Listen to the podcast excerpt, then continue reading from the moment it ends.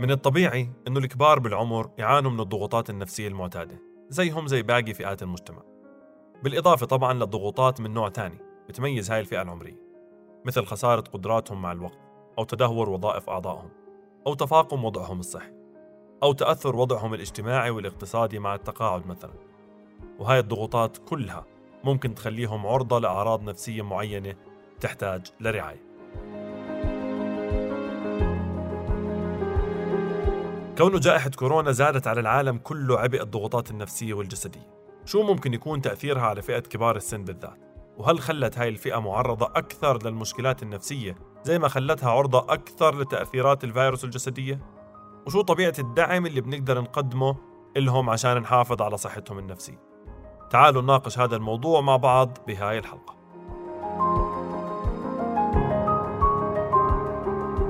بالأول يلا نسمع شوي من بعض الأشخاص الكبار بالسن عن تجربتهم في التعامل مع الجائحة في ظل هاي الظروف الصعبة. والله هذا الوباء كان كارثيا بالنسبة لتفكير الإنسان لأنه فعلا إشي غريب جدا. ولكن هذا هذا أمر واقع. يعني كثير الشباب ساعدونا والله إحنا يعني أنا عمري 70 سنة. آه الحمد لله الأبناء ساعدونا كثير وأخذنا التطعيمات والاحتياطات اللازمة على كل شيء. والحمد لله رب العالمين يعني إن شاء الله أنه تذهب هذه الجائحة قريبا جدا وترجع الأمور إلى مجراها الطبيعي بإذن الله. خلتنا نشعر بالقلق والخوف خصوصا أولادنا الشباب ومش عارفين شو هي الكورونا ولا من وين إجت ولا شو شو نهايتها. طبعا نحن ككبار سن أثر علينا نفسيا طبعا لأنه قالوا أول إشي إنه كبار كبار السن بتأثروا أول. وطبعا تعاملت مع مع كبار السن بتعامل منيح كان. وخصوصا من الشباب اللي هن أولادنا يعني كان تعاملهم معنا وإنهم داروا بالهم علينا. وإن شاء الله تنتهي هاي الجانحة على خير.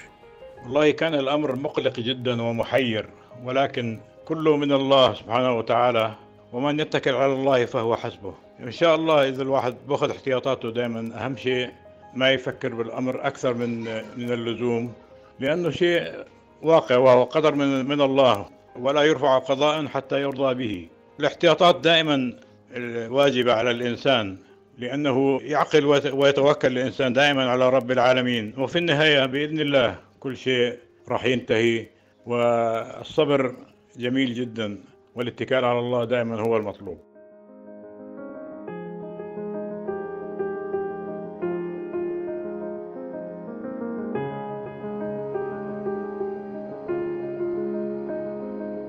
بداية خلونا نفكر مع بعض بالأسباب اللي ممكن تزيد من الضغوطات النفسية عند الكبار بالعمر من بداية الجائحة. لنحاول نشوف مدى تأثير الفترة هاي على صحتهم النفسية. نبلش مثلا بمخاوفهم من المرض نفسه. كون مضاعفاته ممكن تكون أشد وأخطر عليهم من باقي أفراد المجتمع. كمان معدلات الوفاة بأعمارهم ممكن تكون أكبر. إضافة لهيك ممكن يكونوا عم بيواجهوا حاليا صعوبة في التأقلم مع وسائل التكنولوجيا اللي صارت هسه هي الطريقة الأساسية للتواصل والترابط والتسليم. ما بننسى أبدا شعور الانعزال ومحدودية التواصل مع الأهل والناس بسبب التباعد الاجتماعي واللي ممكن حتى يخليهم يحسوا بعدم أهميتهم عند أحبابهم. كمان عدم القدرة على الالتقاء بالمعارف والأصدقاء بالجمعيات بالمقاهي بالمحلات التجارية أو غيرها من الأماكن اللي كانت تخليهم على تواصل مع معارفهم. كمان حرمانهم من متعة التردد لدور العبادة سواء بسبب الإغلاقات أو مخاوفهم من التقاط العدوى. وأخيرا مخاوفهم من تفاقم أمراضهم المزمنة الثانية بسبب صعوبة الوصول للرعاية الصحية بهاي الظروف وصعوبة المتابعة منيح مع أطبائهم وزيارة العيادات وصرف الأدوية. كل هاي الأسباب اللي انذكرت ممكن فعلا تأثر على نفسية كبار السن بشكل سلبي وتزيد من خوفهم وحزنهم ومشاعرهم السلبية ويمكن في منا لاحظ هذا الإشي مع الأشخاص الكبار بالعمر اللي بمحيطه وبعائلته. من المثير للاهتمام أنه على عكس هاي التوقعات في بعض الدراسات وجدت أنه صحة الكبار بالسن النفسية خلال الجائحة ما تأثرت بشكل سلبي وكبير مقارنة مع باقي الفئات العمرية وكانت معدلات القلق والتوتر والاكتئاب عندهم أقل. من الممكن تكون العوامل اللي وراء هاي النتيجة الإيجابية وانخفاض معدلات القلق عند الكبار بالعمر هي التزامهم بإجراءات الوقاية بسبب اعتنائهم بصحتهم حفاظهم على جودة الروابط الاجتماعية اللي بتهمهم أكثر من عددها وتمتعهم بالحكمة والانضباط العاطفي أكثر من باقي الفئات العمرية. ولكن مع هيك وللأسباب اللي انذكرت سابقا جزء كبير من كبار السن بيحتاجوا لدعمنا النفسي والاجتماعي لأنه زي ما في دراسات وجدت أنه بعضهم عانوا أقل من المشاكل الصحية النفسية ما بنقدر ننكر تأثر البعض الآخر منهم نفسيا بشكل سلبي بسبب الجائحة. لهيك هلا بدنا نركز على كم من نصيحة ممكن تلتزموا فيها خلال الجائحة مع كبار السن اللي بمحيطكم وعائلتكم لحتى تقدموا الدعم النفسي الكافي لهم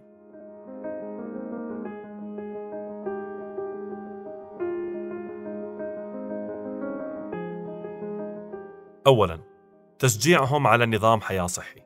يعني نوم كافي ومريح أكل صحي متوازن حسب وضعهم الصحي وأمراضهم المزمنة. وبدنا نركز على نظام غذائي قليل الدهون والسكريات والأملاح. طبعا من المهم كمان المحافظة على النشاط البدني قدر الإمكان.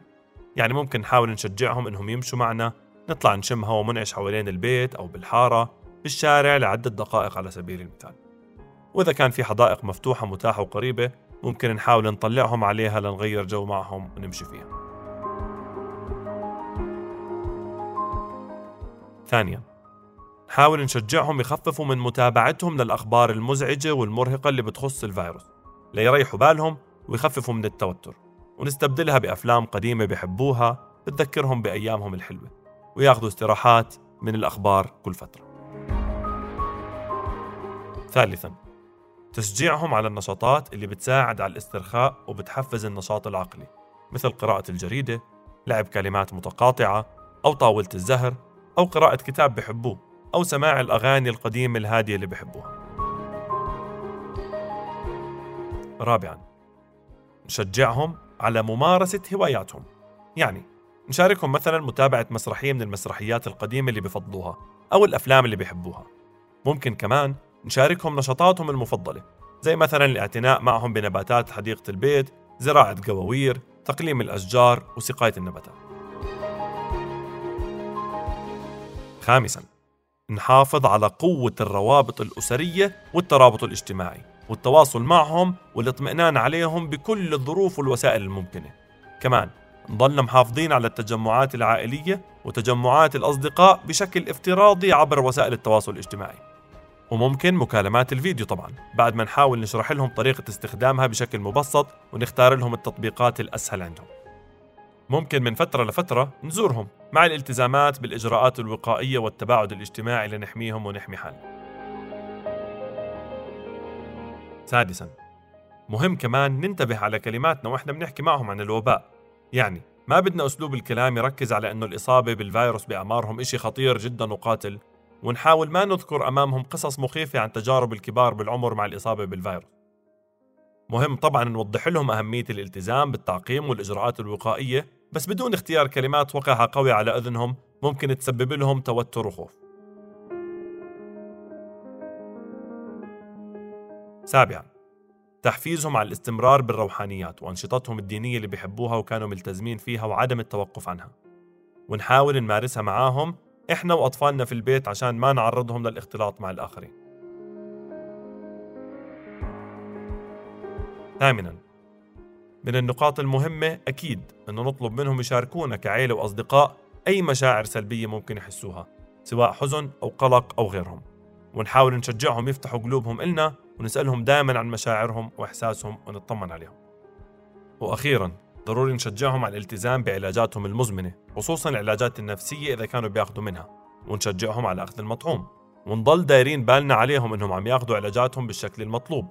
ونساعدهم بصرف أدويتهم كل ما نحتاج تجديد للوصفة ونشجعهم على المتابعة مع أطبائهم حتى لو عن طريق التليفون على الأقل.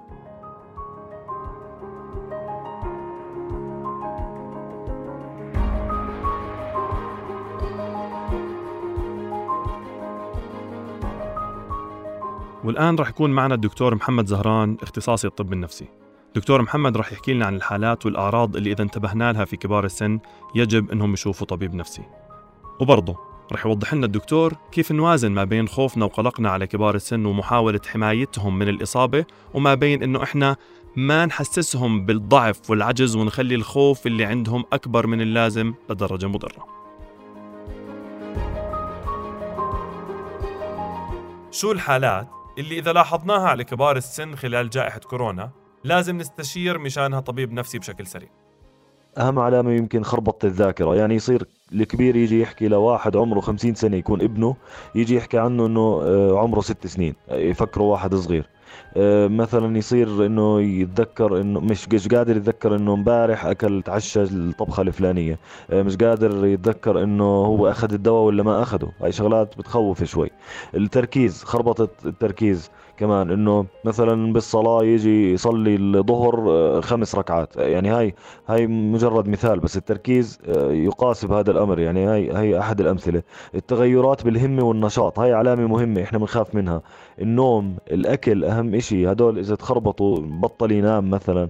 آه، هاي من من العلامات برضو المبكرة لأنه في ممكن يكون اكتئاب أو اضطراب نفسي. إنه بطل ينام بطل يأكل.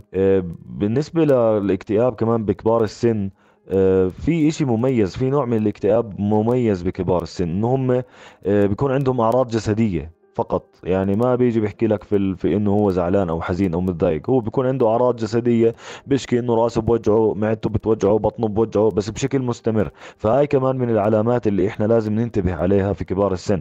الحزن القلق البكاء. يعني واحد صار يبكي كتير صار يحكي بالموت كتير صار ينادي على الأموات صار دائما يجيب سيرة الناس اللي ماتت. آه، بطل يقعد مع الناس بطل يتحمل صوت الأطفال.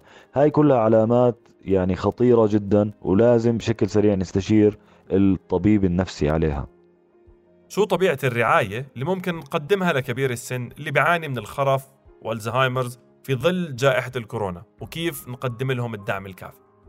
هلا الزهايمر والخرف ما بيزيدوا نسبة الكورونا بس التصرفات اللي الشخص بيكون بيعملها بتزيد لأنه ممكن مثلا الشخص ينسى البريكوشنز والتحذيرات اللي إحنا بنقوم فيها إحنا كأشخاص طبيعيين ما عندنا زهايمر آه، بنغسل إيدينا آه، بنغسل بكحول ما بنسلم على الناس. فالشخص اللي عنده زهايمر وخرف بيكون ما بيقدر يعمل هاي الشغلات. فوظيفتنا إحنا كأشخاص بنرعى هذا الشخص إنه آه، يتم مثلا وضع أشياء تذكره إنه لما يغسل يغسل لمدة 20 ثانية آه، أو أشياء أصلا تذكره يغسل. ممكن أشياء إنه كحول نستخدم الكحول بدل من المي.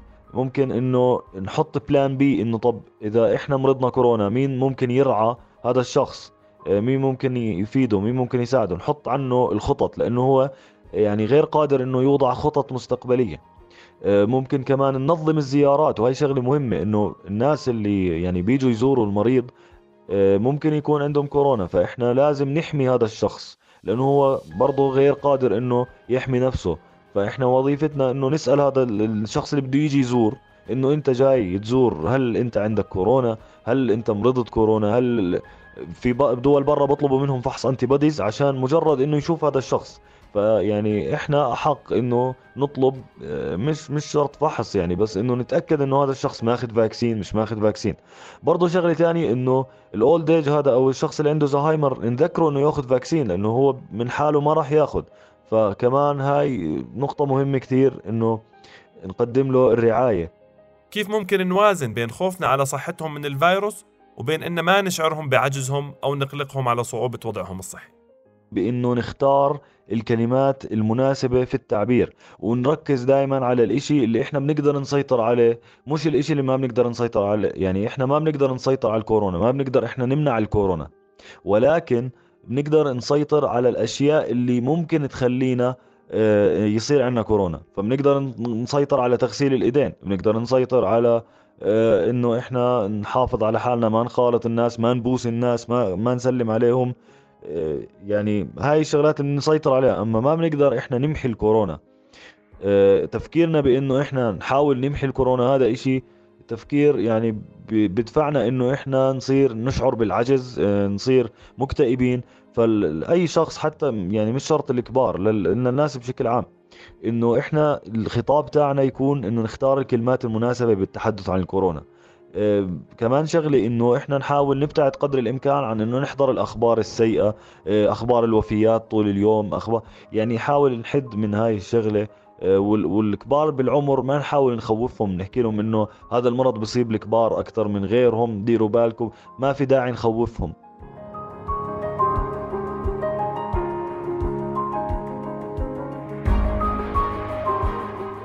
بتمنى تكون الحلقة مفيدة لكم لتعرفوا أكثر عن الوضع النفسي اللي بمر فيه الكبار بالعمر بهاي الظروف.